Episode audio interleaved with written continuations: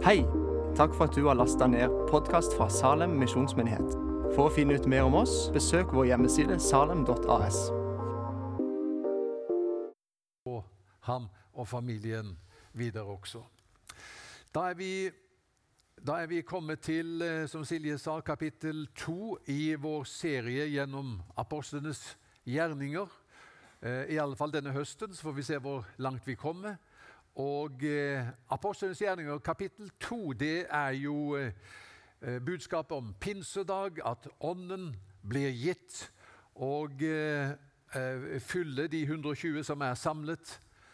Eh, og så stimler det jo sammen mye folk som lurer på hva er det som har skjedd med disse troende. Og eh, da er det at Peter holder en tale hvor han siterer Det gamle testamentet og profeten Joel. Og eh, Det er lest allerede, men vi kan lese det en gang til. Det er ganske kort. Fra vers 16. Men her skjer det som er sagt gjennom profeten Joel. I de siste dager skal det skje, sier Gud, at jeg øser ut min ånd over alle mennesker. Deres sønner og døtre skal profetere, de unge skal se syn, og de gamle skal drømme drømmer. Selv over mine slaver og slavekvinner vil jeg i de dager øse ut min ånd, og de skal tale profetisk. Amen. Herre, takk for ordet ditt. Takk for pinsedag.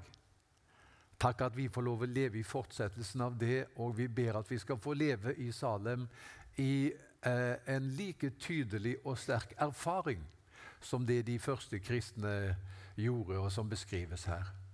I Jesu navn ber vi om det. Amen. Jeg skal tale om eh, dette under overskriften 'Løftet for vår tid'. Og vi lever i de siste dager. Og det som jeg skal si, da, det skal jeg samle i tre enkle punkter.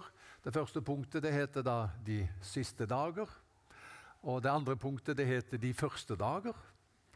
Og det tredje punktet det heter 'Dine dager'.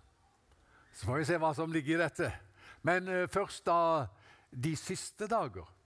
Her står det eh, i de siste dager skal det skje, sier Gud, at jeg øser ut min ånd over alle mennesker. Når er de siste dager? Du skal få svare med en gang. De siste dager det er perioden mellom pinsedag og Herrens dag. Eller perioden mellom når ånden ble gitt, og når Jesus kommer tilbake. Det er åndens tidsalder, det er menighetens tidsalder, og det er denne lange perioden som kalles de siste dager. Du skal få et par skriftsteder på det. Det står i Hebrebrevet 1.1. Jeg leser ikke hele den setningen, men der står det 'Nå, i disse siste dager', står det der. Ser du det? Og i 1. Korinterbrev 10.11 så sier Paulus 'Til oss er de siste tider kommet'. Så det er helt åpenbart at de siste tider, det er altså den tiden mellom pinsedag og når Jesus kommer tilbake. Og da skal Gud utgyte, utøse av sin ånd. Men står det ikke i Bibelen at i de siste dager skal det komme vanskelige tider? Hvordan harmonerer det med dette veldig positive budskapet? Jo, la oss bare slå fast at det er riktig. I de siste tider skal det komme vanskelige tider. Hør på dette. 2. Timotius 3, vers 1 står det.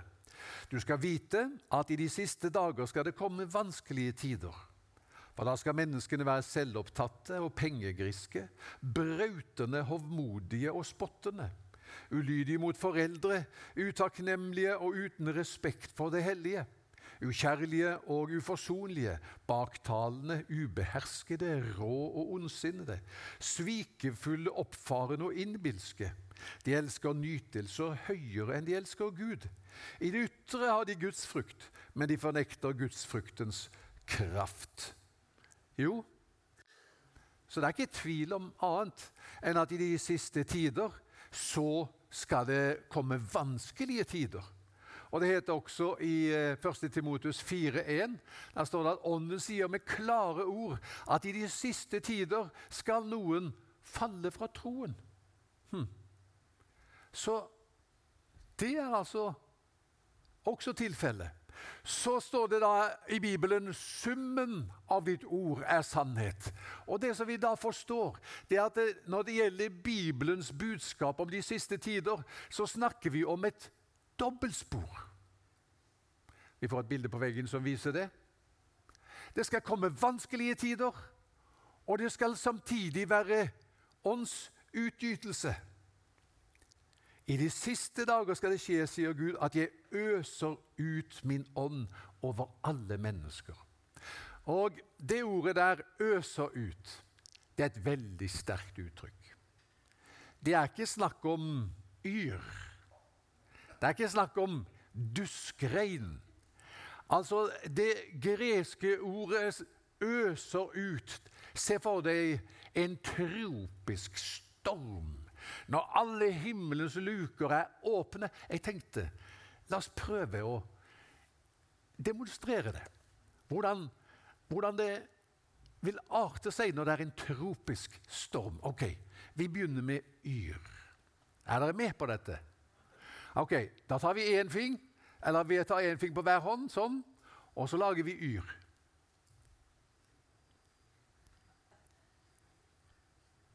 Det, er, det var veldig lett dyr. Jeg hører det faktisk ikke. To fingre. Ja, det er fortsatt uh, duskrein. Ikke sant? Tre fingre. Jaha. Nå begynner det å regne sånn som det gjør på Sørlandet. Fire fingre. Ja. Og så lager vi en tropisk storm. Oi, oi, oi, oi, oi, oi! Det er det vi snakker om. Det er det vi snakker om. I de siste dager skal det skje, sier Gud. Jeg øser ut min ånd. Det er, det er kraftfullt.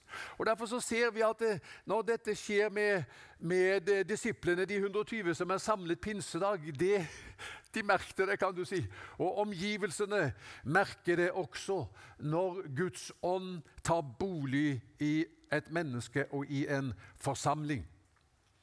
Så Den hellige ånd her kommet, er kommet. Det står i vers 16 her skjer det som er sagt gjennom profeten Joel. Altså det man hadde ventet på lenge. Nå var det skjedd. Ånden var kommet. Sånn at eh, vi som da lever i kapittel 29, vi behøver jo ikke da tenke at eh, vi skal vente på at Ånden skal komme. Hva venter vi på? Ja, Vi venter på Jesus. Og vi venter på en ny himmel og en ny jord. Men vi venter ikke på Ånden. For han er kommet. Er han kommet?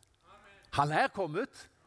Så det det handler om for oss, da, det å si 'Velkommen, Hellige Ånd'. Det er det det handler om. Han er her. Og hvis eh, Peter hadde vært sammen med oss her nå, så hadde han sagt Oi, merker dere det? Hva da? Han er her. Ånden er kommet. Ånden har byttet bostedsadresse. Akkurat som Jesus, vet du, som var i himmelen. Så byttet han bostedsadresse, og så kom han til jorden. og Så bodde han her. Han sjekket inn i Betlehem, og så bodde han her i 33 år. Og så for han opp til himmelen igjen. På samme måte har nå Den hellige ånd flyttet. Han har byttet bostedsadresse. Han var i himmelen. Nå er han kommet på jorden. Og så kan vi få lov å erfare denne åndens nærvær i våre liv og i våre menigheter i dag. Han er her. Punkt nummer to det var de siste dager. At vi, vi, det er en tid vi lever i. Så la meg da si litt videre om eh, de første dager. Hva kan eh, de første dager være?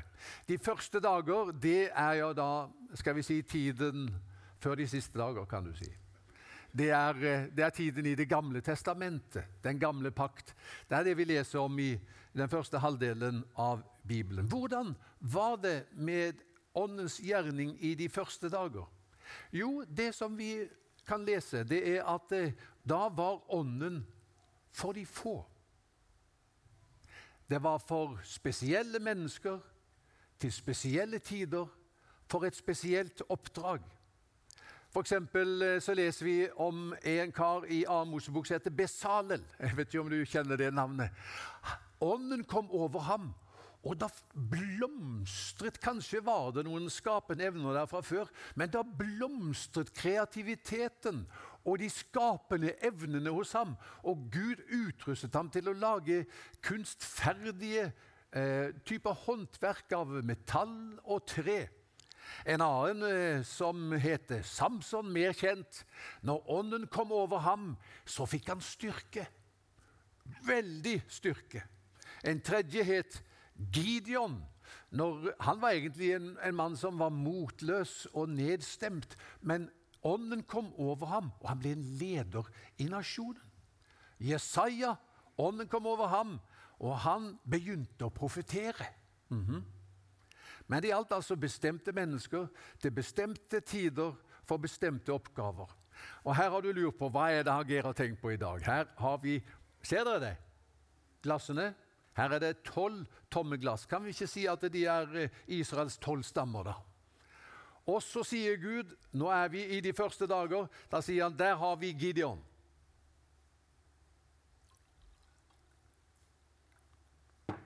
That's it. Jeg vil utruste Gideon, gjøre ham til en leder, fylle ham med Den hellige ånd, slik at han kan operere ikke bare ut ifra egen kraft og energi, men med min åndskraft. Det er de første dager. Så er det at eh, Joel sier og sier, eh, profeterer Jeg ser en annen dag komme. Det skal skje i de siste dager at jeg vil utøse min ånd over alle mennesker. Og Her har jeg lite problem, for jeg fant ikke mer eh, saft oppi kjøleskapet. Så du ser med en gang at det, nå, nå strekker ikke den illustrasjonen min lenger. Fordi det som jeg nå tenkte på, det var at for å illustrere nå hva er forskjellen på de første dager og de siste dager, så må vi jo da fylle alle disse glassene. Ser du det? Fordi det er det som skjer nå. Og det er gode nyheter til deg, for det at Gud har sagt til deg dette løftet, det gjelder deg. Det står Jeg øser ut min ånd over alle mennesker. Deres sønner og døtre skal profetere. Det betyr uavhengig av kjønn. Hvor mange menn har vi her i dag? Få se. Opp med en hånd. Vi er i fåtall. Det er flest av oss i fengselet. Det er færrest av oss i menighetene. Dessverre. Men det er noen menn her. Og Guds løfte til mennene det Jeg vil øse ut min ånd over deg. Mitt løfte til deg det er for den tiden du lever, du lever i de siste dager, ikke i de første, men i de siste. Jeg vil øse ut min ånd over deg. Jeg vil utruste deg. Kanskje skal du blomstre som Besalel med kunstneriske gaver. Kanskje skal du bli en leder i nasjonen. Eller du skal profetere som Jesaja. Eller Gud skal gi deg styrke som Samson. Det vet jeg ikke, men én ting vet jeg. Ånden skal bli gitt deg i fullt mål. Er det noen kvinner her? Skal vi se, Nå må jeg bare ta med litt. Ikke saft, men Skal vi se. Opp med en hånd. Hvor mange kvinner har vi her? Det er flere kvinner enn det er menn. Det måtte det nødvendigvis være når det var færre menn enn kvinner. Så flott å se dere. Ah, jeg tenker på William Booth. Han sa 'mine beste menn var kvinner'. Jeg sier bare takk og lov for kvinnene. Det var en gang at kvinnene måtte liksom holde seg litt i liksom ute i kulissene. Ligger litt lavt i terrenget. Men her står det 'Jeg vil øse ut min ånd over døtrene'. Det er ikke noen forskjell på menn og kvinner. Jeg vil øse ut min ånd over deg like sterkt mål som over en Gideon eller en David eller en Samson. Jeg vil gi deg min ånd, sier Herren, og du skal blomstre. Enten det er i det kreative, eller det er det profetiske, eller det er styrke til å stå i noe som er vanskelig, eller det er å være en leder. Jeg vil utruste deg, sier Jesus til deg.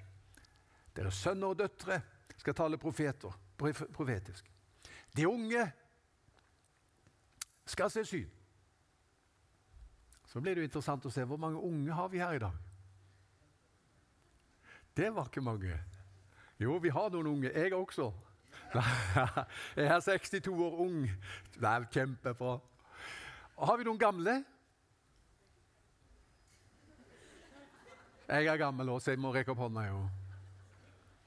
Her er saken den at åndsutgytelsen er uavhengig av alder. Det er ikke sånn. Av og til så kanskje man tenker å, nå er det en tid der det er liksom det er liksom de unge som uh, gjelder. Ja, det gjør det hvis du er ung. Så har jeg bare lyst til å si til deg vær frimodig. La ingen forakte deg fordi du er ung, men vær et forbilde for de troende. ikke sant? Så det å være ung, det er gjevt. Det å være gammel, da, eller være senior, være oppi årene, hvordan er det? Det er kjempebra. ikke sant? Det er kjempebra.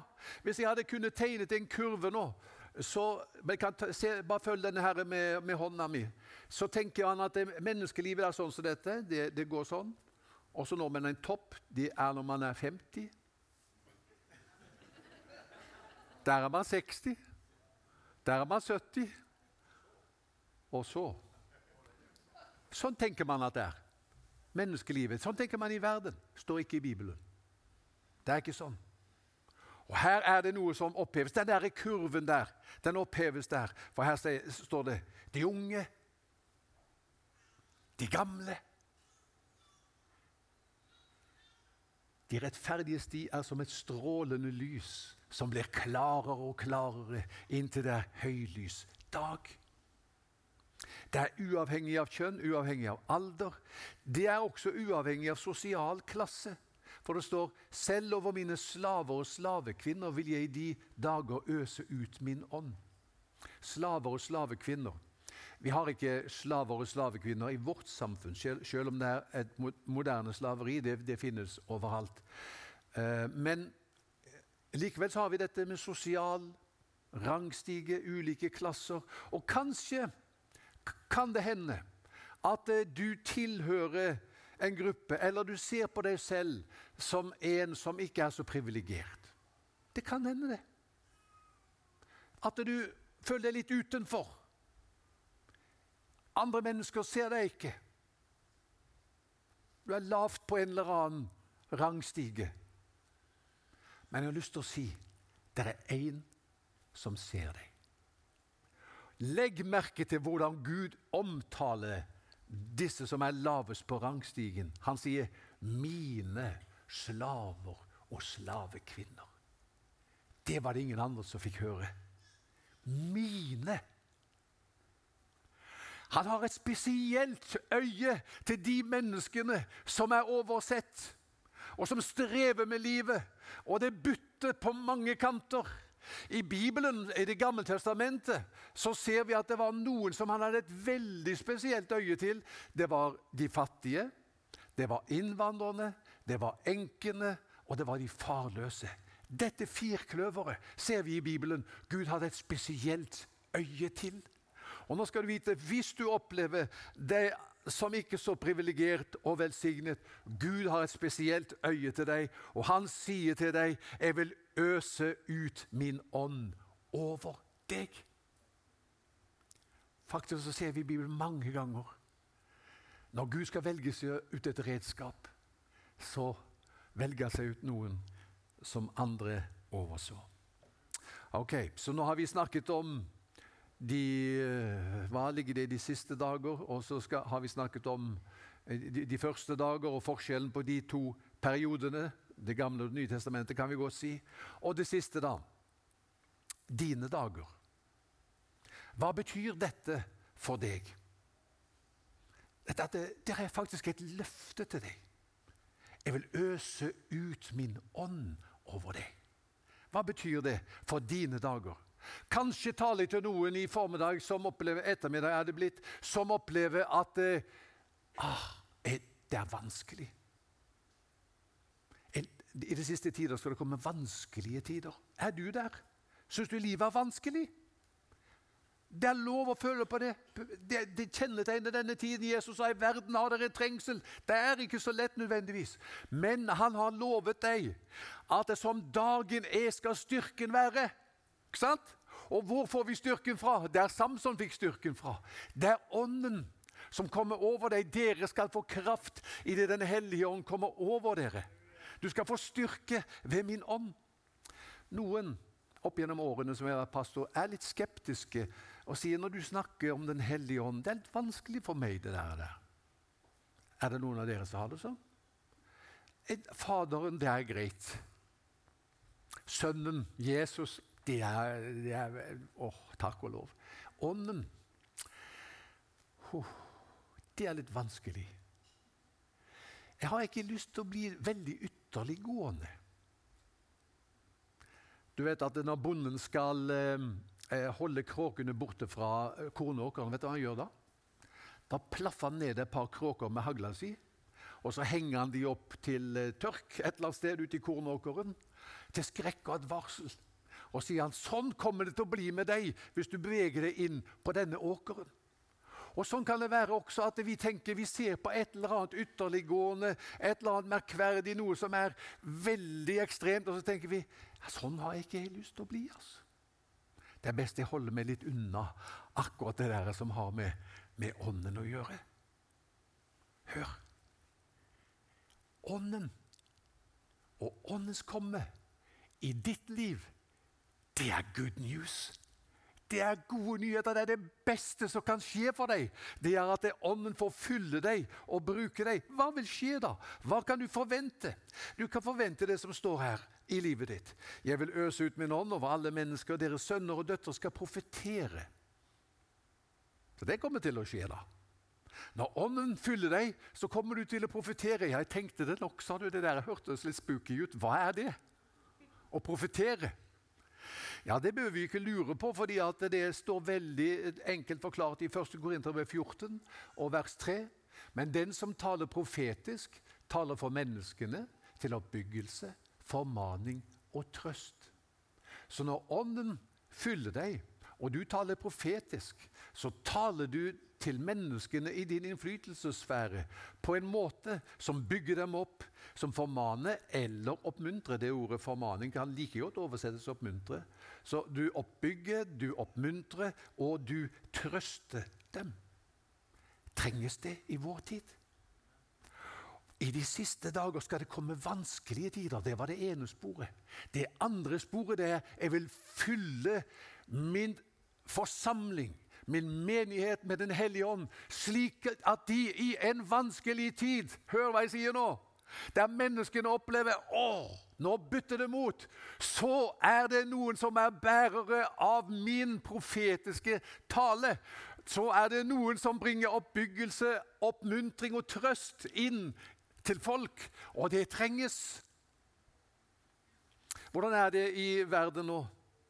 Ja, vi ser det jo spille ut for våre øyne. Isbreene smelter. Hvor mye snø eller is som smelta på Grønland i sommer, det vet jeg ikke. Men det var noe kolossalt med, så, som, så Grønland smeltet.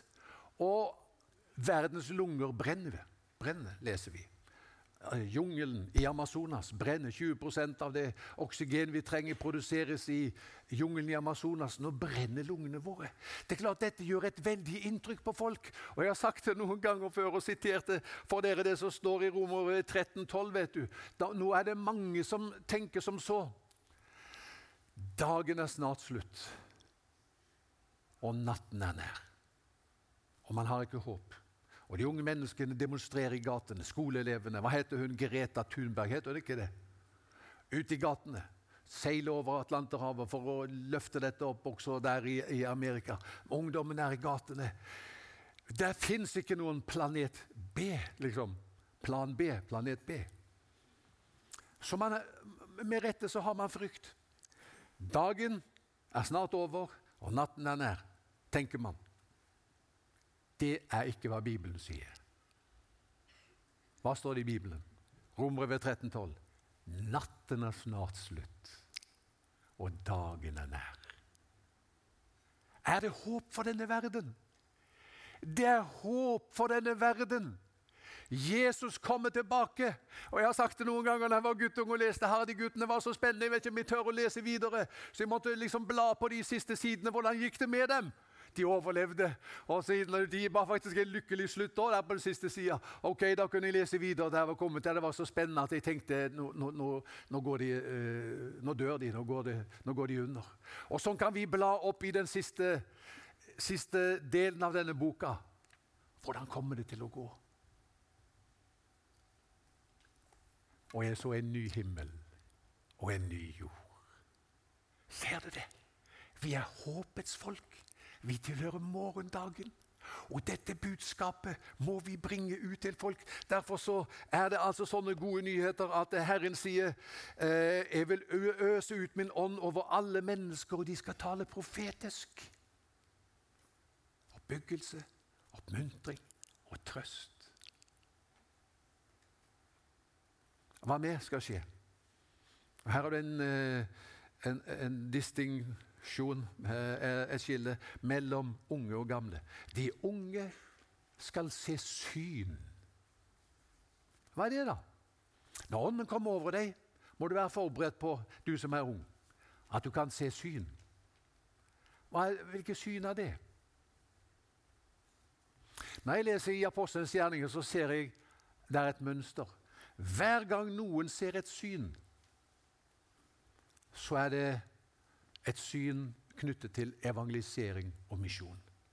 Om å nå ut til nye mennesker. Hvordan skal vi nå ut til nye mennesker? Den hellige ånd skal komme over deg, og du skal få syn. Nå skal du høre. Når jeg begynte som pastor Og dette er så viktig for meg å si. Hør godt etter. Når jeg begynte som pastor, så følte jeg at Gud sa til meg det skal bli mange frelst. Det sa jeg. Det liker jeg. Det er musikk i mine ører. Hvordan skal det skje? Så sa han til meg Jeg skulle høre hva jeg følte han sa. Når du taler på søndag formiddag, se utover den forsamlingen du har foran deg. Ja, så sa han det skal skje gjennom dem. Det er de jeg skal bruke. De unge og de gamle. Smelter sammen i ett oppdrag. Vinne nye. Jeg skal bruke deg, og jeg skal utruste deg til det. Derfor så står det de unge skal se syn. Vær forberedt på det.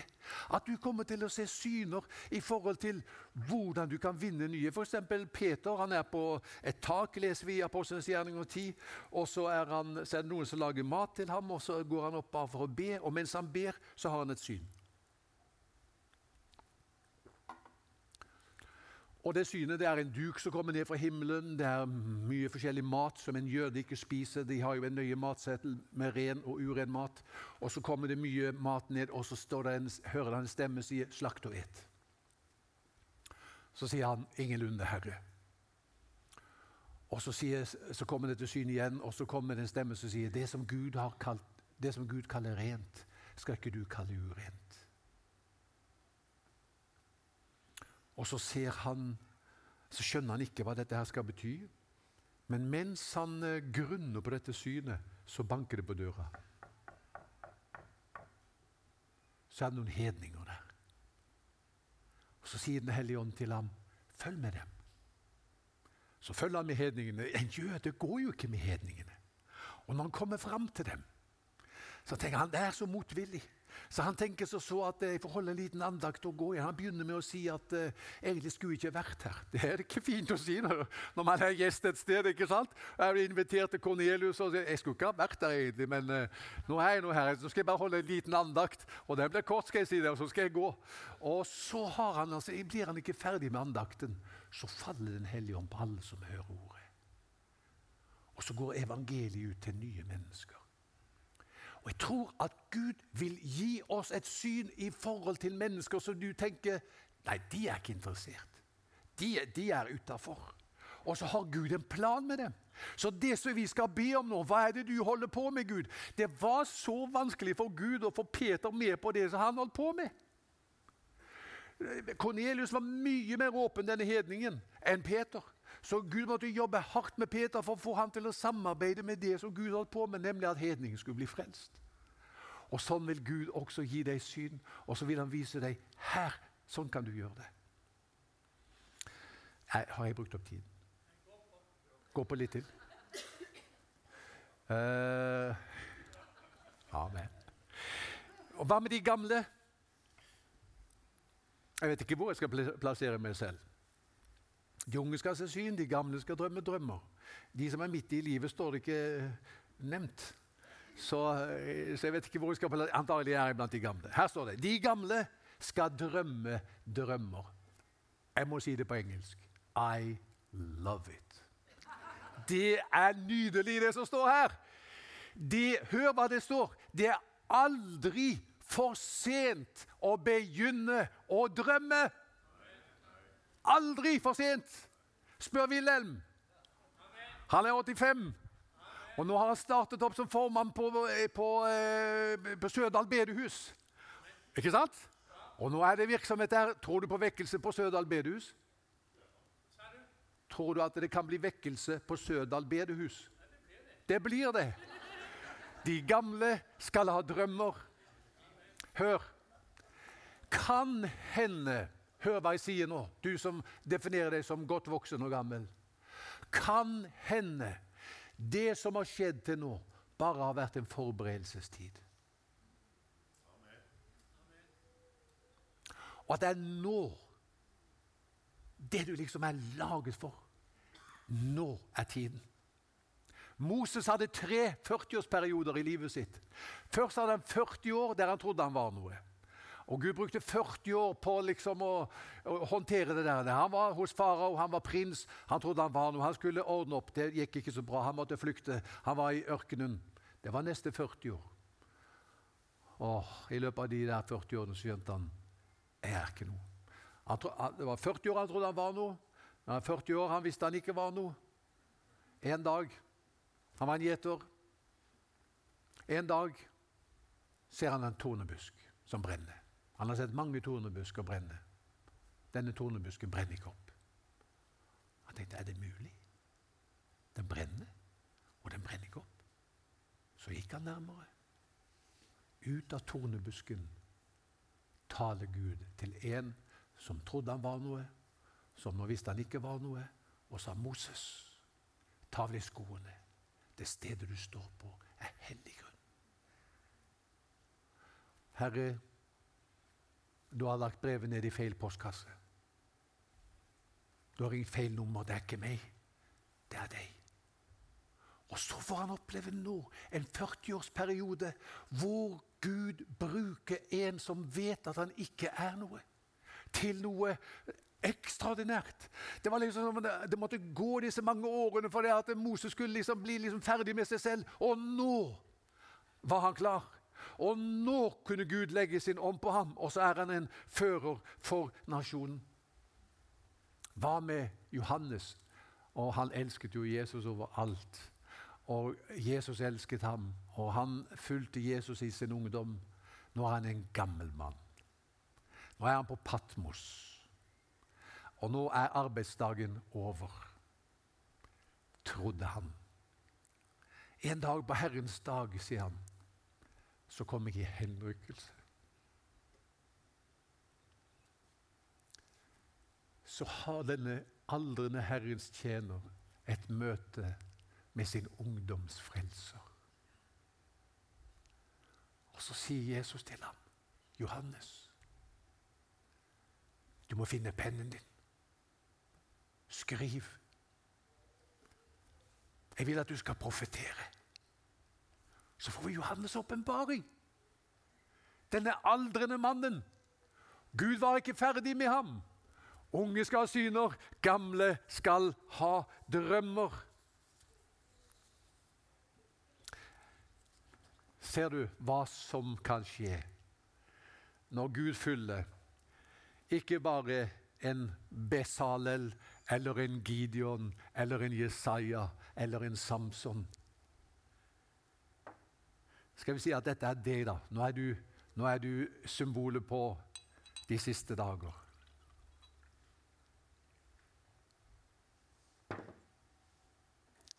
Det som han gjorde den gang, det vil han gjøre i livet ditt. Da gjelder det for oss. Vi venter ikke at han skal komme, for han, for han er jo kommet.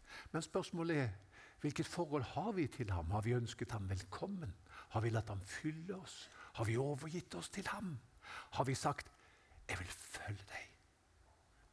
Jeg vet ikke hvilken vei du vil lede meg på. Jeg tror du skal gjøre det klar, uh, Sunniva. Jeg vet ikke hvilken vei du skal lede meg på, Herre. Vi har snakket om de første dager, vi har snakket om de siste dager. Nå snakker vi om våre dager. Dine dager, mine dager. Jeg vet ikke hvilken vei du skal lede meg på, Herre. Men for resten av mitt liv så legger jeg det ned for deg, livet mitt. Jeg legger det ned for deg. Fyll meg. Gjør det igjen. Jeg har hatt mange erfaringer med deg, Herre. Fyll meg med Den hellige ånd. Vi demonstrerte med hendene her hvordan, hva som skjer når Ånden utøses. Utøs din ånd over meg. Møt meg, Herre. Vi skal la Sunniva synge en sang, og så kommer vi tilbake etterpå.